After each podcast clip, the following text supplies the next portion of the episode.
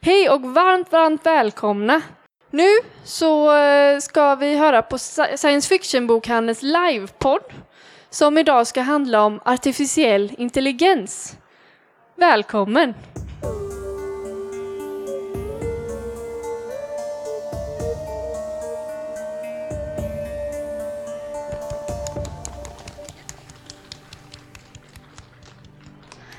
Ja, tack så mycket.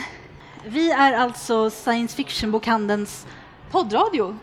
Vi är en podd som handlar om de fantastiska världar och alternativa universum dit fiktionen tar oss. Eh, men idag ska vi vara live och idag ska vi prata om artificiell intelligens. Jag heter Jenny och det här är min kollega Alva. Hej! Hej, hej! Och det här är Alfred Rut, författare till Fermis filter som just handlar om artificiell intelligens. Hej! Hej!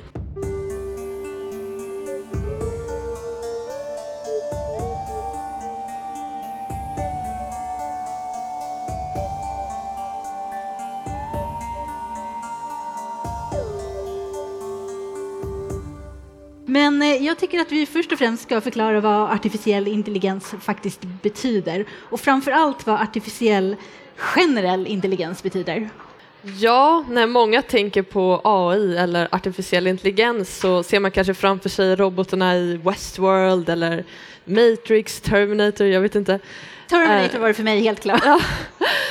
Eh, men det många inte tänker på är att AI, artificiell intelligens, det är något vi faktiskt redan har i samhället. Du kanske har en iPhone med en inbyggd Siri eller hört talas om en schackdator.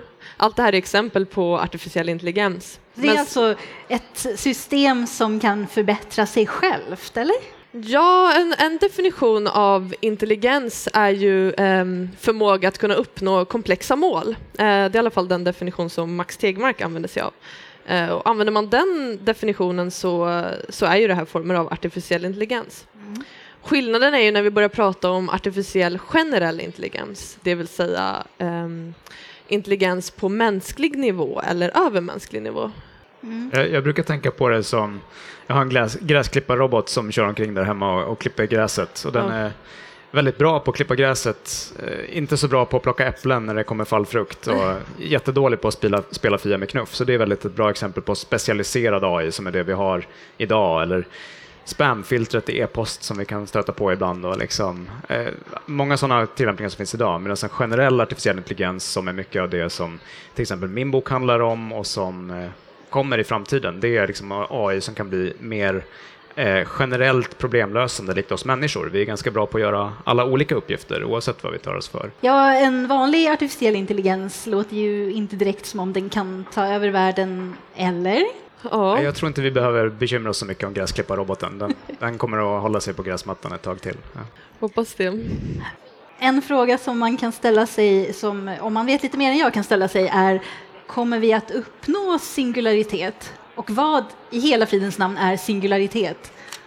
Ja, singularitet kan ju förklaras som artificiell generell intelligens eller en intelligensexplosion eller helt enkelt um, om vi skapar en, en AI som är lika smart som människan eller smartare så kan den i sin tur skapa en AI som är smartare än sig själv.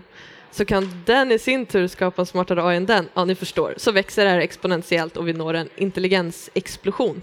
Och det är det man brukar kalla teknisk singularitet. Ja, det, det var väl en eh, ganska känd sci-fi-författare, Vernon Winge, som myntade begreppet en gång i tiden. Jag, jag har tolkat att, tolkat det som att det är inlånat. Han lånade in det från astronomin där man ju pratar om singularitet som exempelvis ett svart hål. Ja, precis. Det är ju det de flesta har hört talas om det genom, tror jag. Exakt, och runt ett svart hål finns det vad som man brukar kalla för en händelsehorisont. Mm. Gravitationen blir så tung innanför den här gränsen att inte ens ljuset kan komma ut. Det. Och det gör att det liksom går egentligen inte att se vad som händer där bortanför den här händelsehorisonten. Och på samma sätt det du är inne på här Alva med att när vi väl lyckas bygga en dator som är bättre än oss själva på att bygga en smart dator, då har vi ju egentligen kanske gjort vår sista uppfinning. Därifrån kan datorn så att säga bli självförbättrande då och skena iväg. Och det skapar på samma sätt då en analogin är liksom att där blir en händelsehorisont för oss kring tekniken.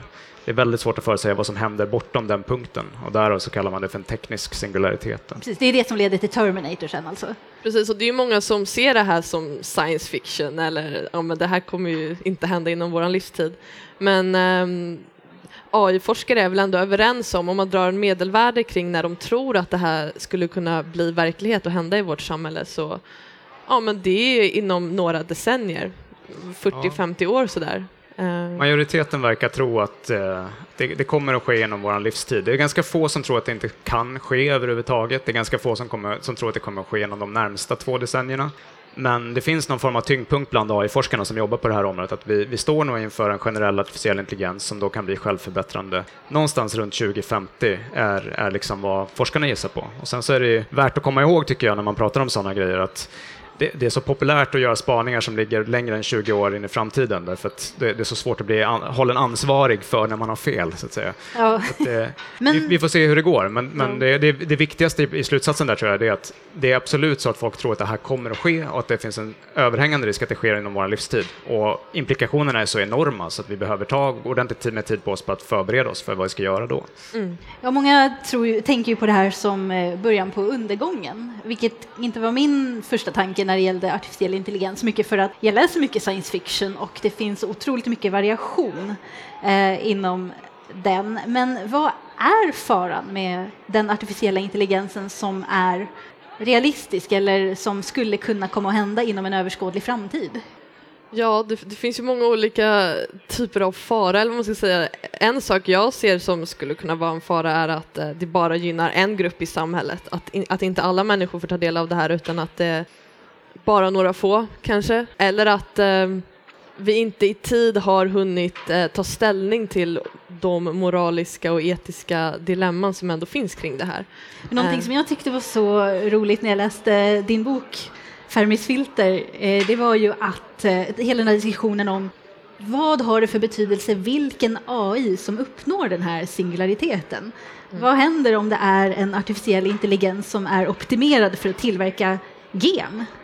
Kommer den då förvandla jorden till en enda stor genfabrik? Och vad händer med mänskligheten då? Ja, Hur kan vi hindra det här? Exakt, alltså jag, jag, när man pratar om det här, vad, vad händer och vad är faran? Jag tycker det är viktigt att påminna sig om att eh, det finns också så himla mycket positivt som, det här, som kan hända. Det finns en stark anledning till varför vi vill ha det här. Därför att det är verkligen eh, teknik som kan lösa alla de problemen vi står inför idag. Vi behöver de här, den här tekniken för att kunna lösa de utmaningar, allt från klimat, klimat och miljö och hållbarhet till hur vi ska kunna få livsmedel att räcka till alla invånare, till hur vi ska kunna kolonisera andra planeter för att också skydda oss mot risken att jorden råkar ut för en asteroidkatastrof eller så vidare. Så det finns om jag, om jag fick välja så skulle jag absolut inte välja bort det här. Men det är en så otroligt kraftfull teknik som är alltså egentligen mer kraftfull än kärnvapenteknik. Och det gör att riskerna för också negativa utfall är så enorm. Eh, och därför så behöver man verkligen tänka igenom vad, hur man ska skydda sig mot de här riskerna. Då. Och den stora, stora liksom knäckfrågan kring det här med superintelligent AI, generell artificiell intelligens, då, det, det, är det problemet som Nick Boström, som har skrivit den här boken Superintelligens, kallar för kontrollproblemet. För att en generell artificiell intelligens ska göra någonting överhuvudtaget för oss, så positivt då kan vi tänka att vi vill, så behöver vi förse den med någon form av drivkraft, någon form av liksom anledning att finnas, som också min bok råkar heta. Då, liksom, vad ska den försöka göra? Och det finns ju redan nu en organisation som arbetar för det här, eller hur? Jag tänkte precis, precis Det finns som... många som, som jobbar på det, men det, det, det är i grund och botten ett filosofiskt problem som är väldigt svårt att hitta en lösning på. Vi har ju svårt att beskriva varför vi själva finns, till exempel. Och samtidigt ska vi, när man ska uttrycka det programmatiskt varför den här datorn ska finnas, då, vad den ska försöka uppnå, så är det extremt svårt att man inte går fel och att man misslyckas med att förutse någon form av... Alltså om man till exempel skulle försöka säga att men datorn, du ska göra så, så mycket gott som möjligt för mänskligheten. Det låter ju ganska harmlöst, men då, då är liksom, vad är definitionen av gott då? Om vi inte har försett datorn med den Eh, definitionen, då finns det en risk att den tänker att så här, ja, men gott, det verkar vara någon form av kemiska signalsubstanser i hjärnan som får människor att uppleva lycka. Så den rakaste och mest resurseffektiva vägen dit, det är att helt enkelt se till att eh, bara trigga den här eh, mekanismen i hjärnan som, som utlöser den här kemiska signalsubstansen så mycket som möjligt. För då är människor, människor verkligen lyckliga, då har jag verkligen gjort jobbet. Och det är ju samtidigt en framtid som vi inte alls har tänkt oss när vi tänker att vi skulle skapa gott, så att säga. Så där, där ligger liksom, det, det, ju mer, djupare man dyker i det här kontrollproblemet, desto intressantare blir det, desto svårare är det att, att liksom komma på en lösning på, på, som håller. När vi inte längre kan kontrollera datorn själv då, för att den är superintelligent. Du, precis som du säger här att um, det är en sån otroligt kraftfull teknik att, eh, och i mänsklighetens historia när vi har haft att göra med sådana här kraftfulla tekniska uh, fenomen att vi alltid har fått lära oss av våra misstag. Eh, att det alltid är att någon, det har gått snett på något sätt och vi har fått lära oss av det. Men att vad det gäller artificiell intelligens finns det inte riktigt utrymme för att lära sig av sina misstag utan det handlar egentligen om att vi behöver förutse vad som skulle kunna gå fel och i förväg arbeta förebyggande mot det och så att vi kan kontrollera det när det väl kommer. Det blir väldigt viktigt att få det rätt på första försöket, precis som Ja. du är inne på. Och det som är Nick Boströms poäng, jag tror hans bok kom ut 2011 eller 2012, och då, då var det fortfarande så att det finns det fanns tiotusentals personer som hade som arbetsbeskrivning i världen redan att jobba på att utveckla den här tekniken. Men det kanske fanns ett dussintals perso- dussintal personer som jobbade på själva problemet. Hur ska vi programmera den här drivkraften när vi väl är liksom iväg, på väg att sätta igång maskinen. Och han menar på att det problemet är minst lika svårt att lösa och eftersom vi måste lösa det innan vi slår igång maskinen så är det viktigt att vi har minst lika många människor som jobbar på hur vi ska få tekniken säker innan vi blir klara med tekniken så att säga. Nu ska jag säga att några år senare så har det faktiskt ändrats. Nu är det nog åtminstone så att det är ett par tusentals personer som jobbar med det här liksom, det filosofiska och moraliska problemet och kring kontrollproblemet. Samtidigt som också då de här tiotusentals ingenjörerna på Google DeepMind och andra som jobbar på generell artificiell intelligens, de har också hunnit mycket längre. Så det går stormsteg framåt här.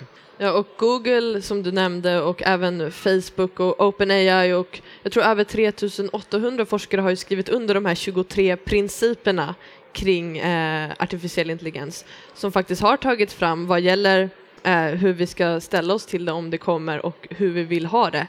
Eh, mot till exempel massvapen, att det här inte ska vara någonting som bara bidrar till någon form av kapprustning mellan olika länder. Fördelning, att det ska kunna gynna alla människor på den här jorden.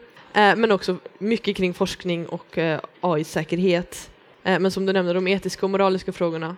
Som jag tror att eh, det är därför det här är en så viktig sak att prata om. Jag tror att det är någonting som alla människor kommer eh, behöva ta ställning till, de här moraliska frågorna. Hur vi ska förhålla, sig, förhålla oss till när AI, eller då AGI, blir en del i vårt samhälle. Ja, det är ju lite oroväckande att inga stater än så länge har skrivit under på de här principerna utan eh, vad jag läste senast var det ju staten Kalifornien som har skrivit under Ja. men inga nationalstater. Så att eh, om man ska prata om kontrollmekanismer på forskning och huruvida det här, eller hur det här utvecklas så just nu så finns det ju inte någon vidare kontroll, eller hur? Vi hade en omröstning i EU för, eh, jag tror det var knappt år sedan nu, som, som tyvärr inte gick vägen, att EU redan där tog ställning kring då de här super, alltså, autonoma vapen med egen kontroll över the kill switch, liksom, eller avtryckarknappen så att säga. Och där är ju liksom, de här initiativen som kommer från eh, Future of Humanity Institute och Future of Life Institute eh, kring de principerna, deras mål är ju att nå samma typer av moratorier kring vapenteknik med AI som vi faktiskt redan har gjort med kemiska och, och biologiska vapen. Eh, så det, det är också viktigt att påminna sig där att det finns skäl att vara hoppfull, därför att det, det, vi har lyckats välja bort sån här vapenteknik tidigare. Men det här är nog liksom den allra det, vi brukar skrämma varandra med kärnvapenvinter, men det här är egentligen mycket mer kraftfull teknik. Och det som är ännu mer läskigt med den och viktigt att begränsa spridning på den och konstruktion på den, det är just att den är så lätt att kapa. Det är så lätt att ta över den jämfört med hur svårt det är att sno en, en atombomb och spränga den. Så är det mycket lättare att den här tekniken skulle kunna falla terrorister i händerna till exempel. Men det här är, som vi har pratat om nu, det är ju väldigt mycket artificiell intelligens som vad ska man säga, inte har ett eget medvetande, inte har en själ skulle vissa säga. Eh, Men var någonstans går egentligen gränsen då mellan artificiell intelligens och en artificiell intelligens som kan resonera själv? Och vad händer om en sån utvecklas? Det här tror jag är den absolut viktigaste frågan i framtiden vad gäller AGI och något som alla behöver börja fundera på. För att det kommer bli mer och mer en del av allas vår verklighet. Vad är ett medvetande? Och när, när, får, de, när får ett medvetande rättigheter och skyldigheter till exempel? Max Tegmark i boken Liv 3.0, som vi har här också, definierar ett medvetande som en, en subjektiv upplevelse. Jag har faktiskt frågat runt en hel del av mina bekanta den senaste veckan bara för jag är nyfiken på hur, hur de definierar ett medvetande. Eh, och fått väldigt mycket olika svar, men det handlar ofta om ja, men just eh, upplevelser, erfarenheter, minnen, ehm, närvaro och allt sånt där. Och är det något en, en dator kan, kan ha? Ja, jag, alltså ett av de stora problemen i forskningen eh, nu är att vi, vi vet inte riktigt vad medvetande är. Så det finns ingen liksom, sammanhängande definition på medvetande och följaktligen heller ingen distinktion mellan medvetande och intelligens.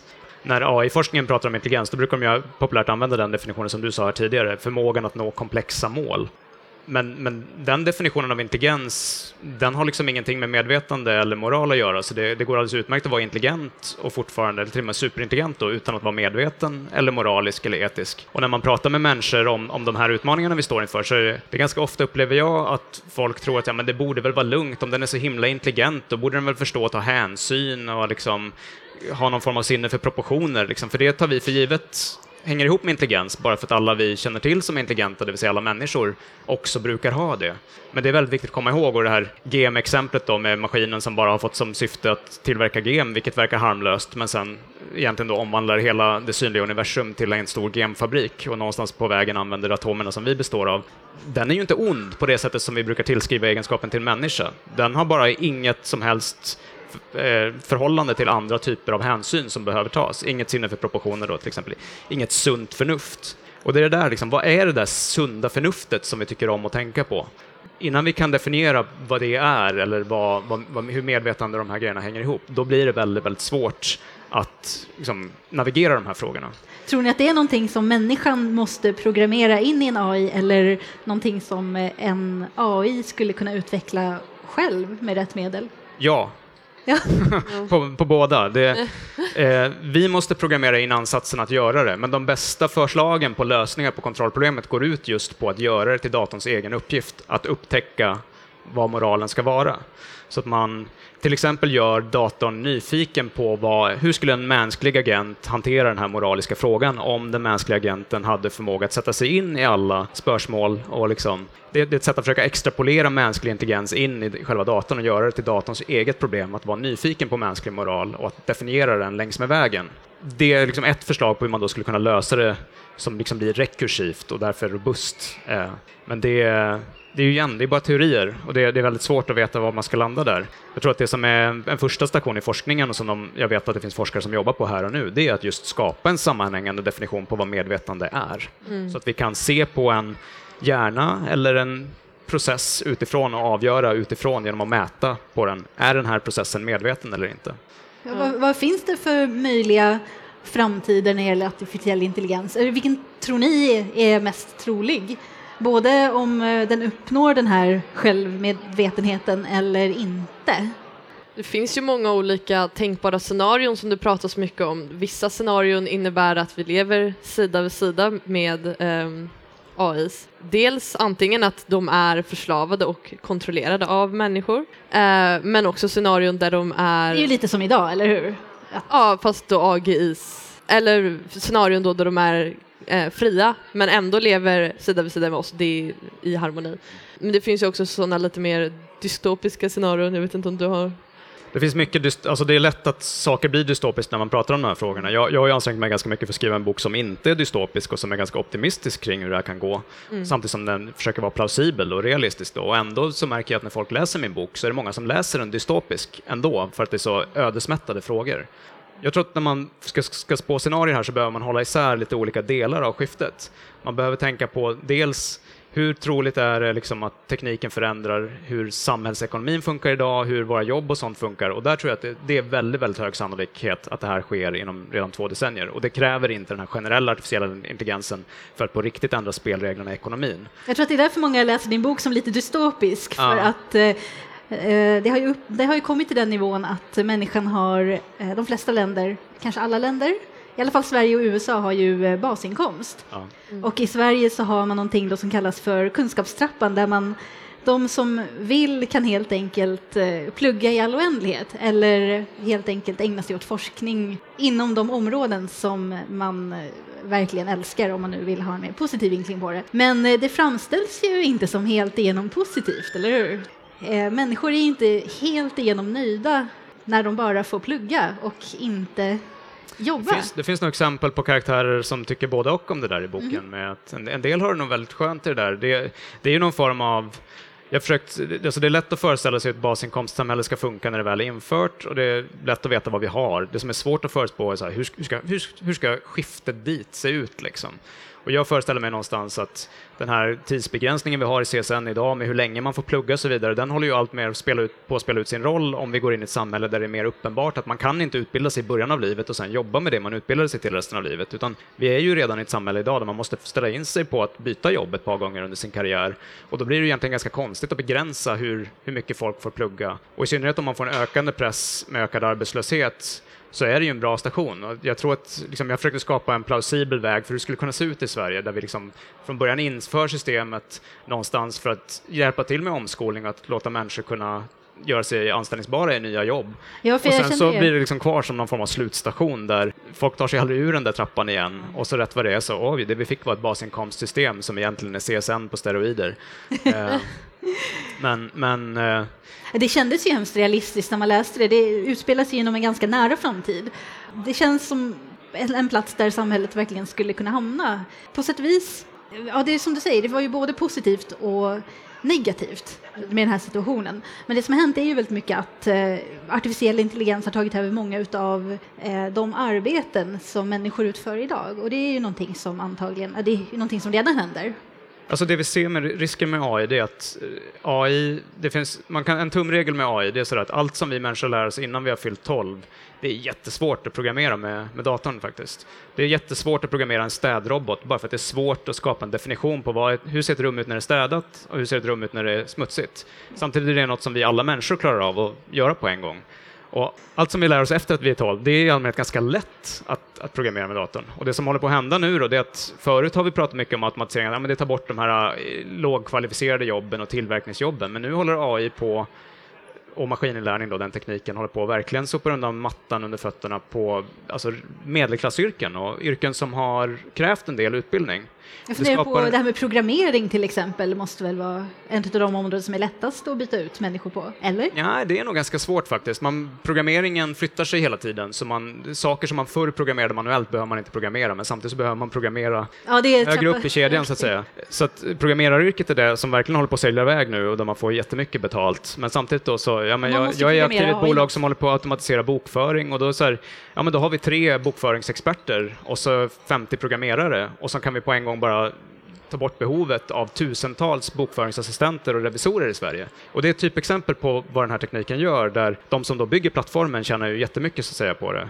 Uber är ett annat så här jättebra exempel. De som bygger Uber tjänar ju jättemycket på att bygga plattformen. De som kör för Uber, det vill säga de som gör den här äh, svåra automatiserade, okvalificerade uppgiften som är kvar i botten, de får en extremt hård konkurrens från alla de som kommer ur medelklasslaget som också då får vara med och konkurrera om de där jobben. Och det, det skapar en otrolig polarisering i samhället, en polarisering av jobb, arbetsmarknaden, vilket är anledningen till att jag tror att vi har svårt att undvika att införa basinkomst på sikt. Eh, jag i allmänhet håller med de som är för basinkomst av anledningen för varför man ska vara för och sen så håller jag med de som är emot basinkomst av anledningen för varför man ska vara emot, för det finns massa, massa utmaningar och risker.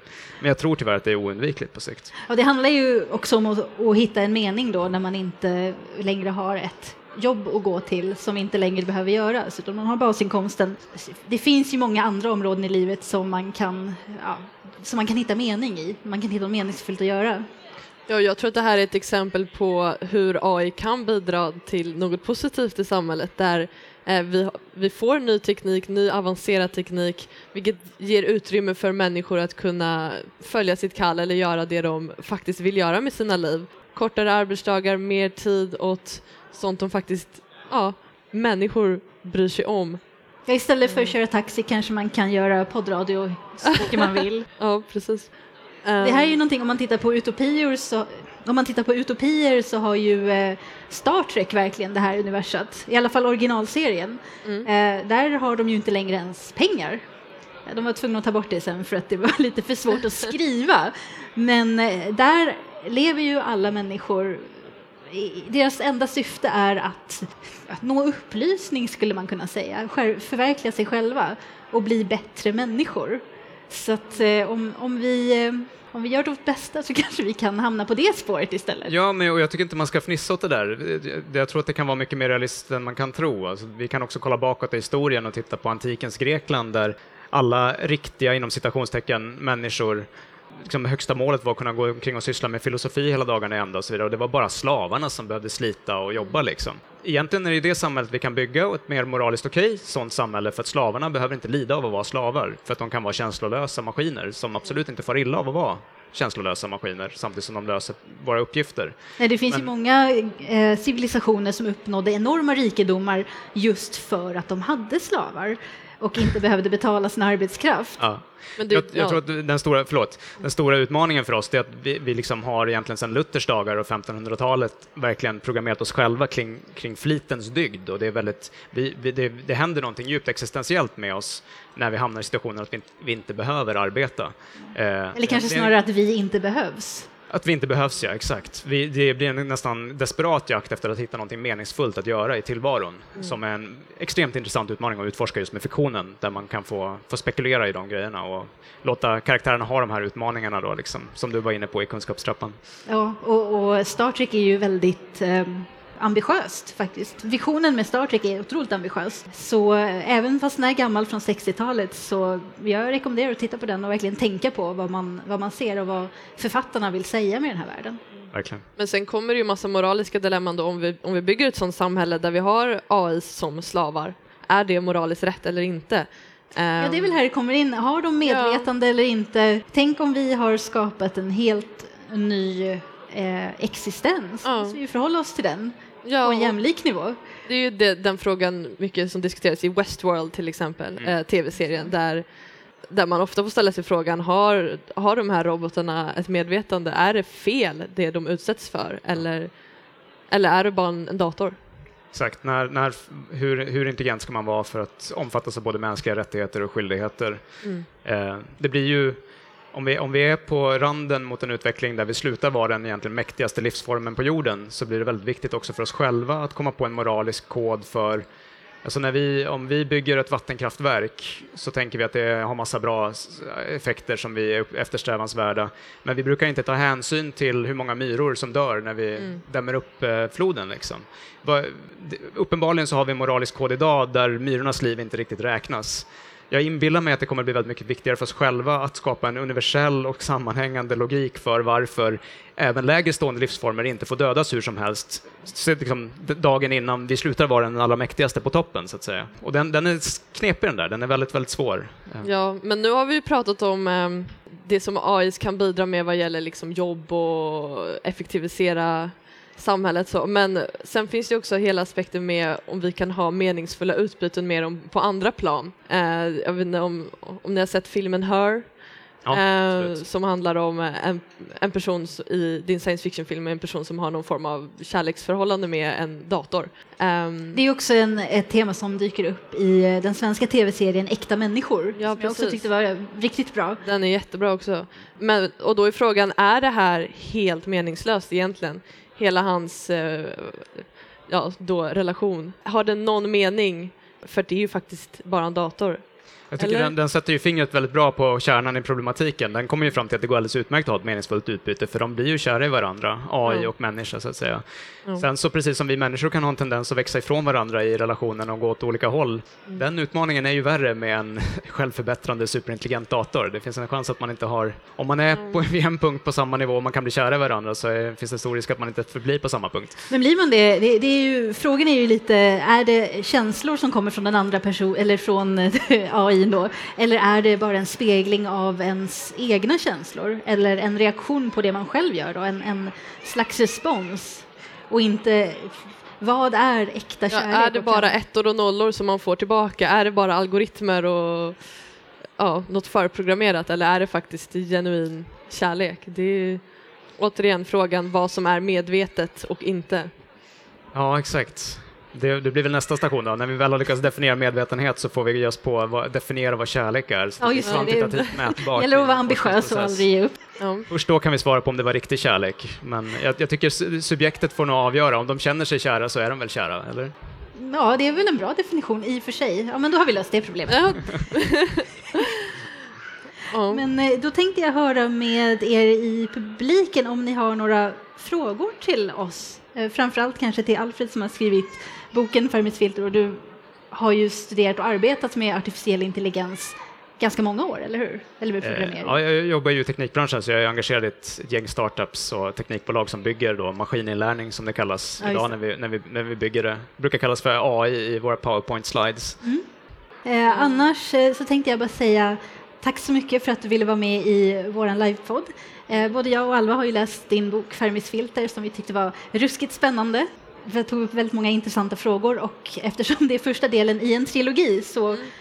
väntar vi med spänning på ja, del vi ser fram emot fortsättningen. Ja, det kommer bli riktigt spännande. just för jag jobbar hårt med den. Ja, och man kan, just eftersom den utspelar sig till Sverige i stor del tycker jag att man kan relatera väldigt mycket och det känns verkligen som att det här är, ja, det är snart verkligheten. Det här är frågor vi behöver börja ställa oss redan nu. Förlåt om jag hänger ut det, men vi pratade ju lite innan. Det visade sig att, för boken utspelar sig ju både i Stockholm och i San Francisco, men ja. också i Fällingsbro på, mm. på glesbygden. Fällingsbro som, som ja. du visste, du trodde att det var ett fiktivt samhälle? Ja, jag hade ingen aning om att Fällingsbro fanns på riktigt. Fällingsbro finns i högsta grad på riktigt. Och det, det som jag tycker är en annan intressant aspekt som vi inte riktigt har kommit in på här, det är just stad-land-frågan, där vi liksom, mm. de här frågorna vi pratar om, hur ekonomin ställs om redan idag, mm. de är verkligen konkreta när man är i landsbygden. Det, vi kan tänka länge på teknikens utveckling, om det blir fler eller färre jobb och jobbpolarisering, men de gamla jobben försvinner överallt, de nya mm. kommer bara i städerna. Så mm. det här är, tror jag, en, en väldigt, väldigt relevant och viktig förklaring för att förstå varför vi får en framväxt av populistisk, eller politisk populism i, i hela västvärlden idag. Varför mm. vi får Brexit och Trump och varför vi får Sverigedemokrater i Sverige. Ja, ja det, det är klart. Det, geograf, geografin skrivs ju om med stormsteg. Det har vi ju märkt på många fronter. Mm. Jo, det kan jag verkligen hålla med om. Kul att ni gillade boken. Ja. Den var jättebra.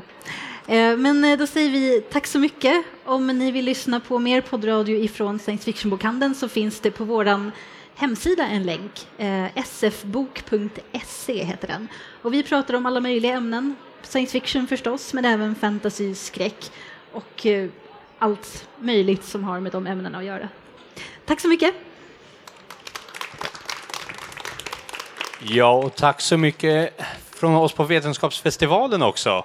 Det är jättekul att få ha folk som er här, för det är ni som gör att Vetenskapsfestivalen ens blir av. Så som tack så ska ni få ett litet varsitt diplom här faktiskt. Tack så mycket.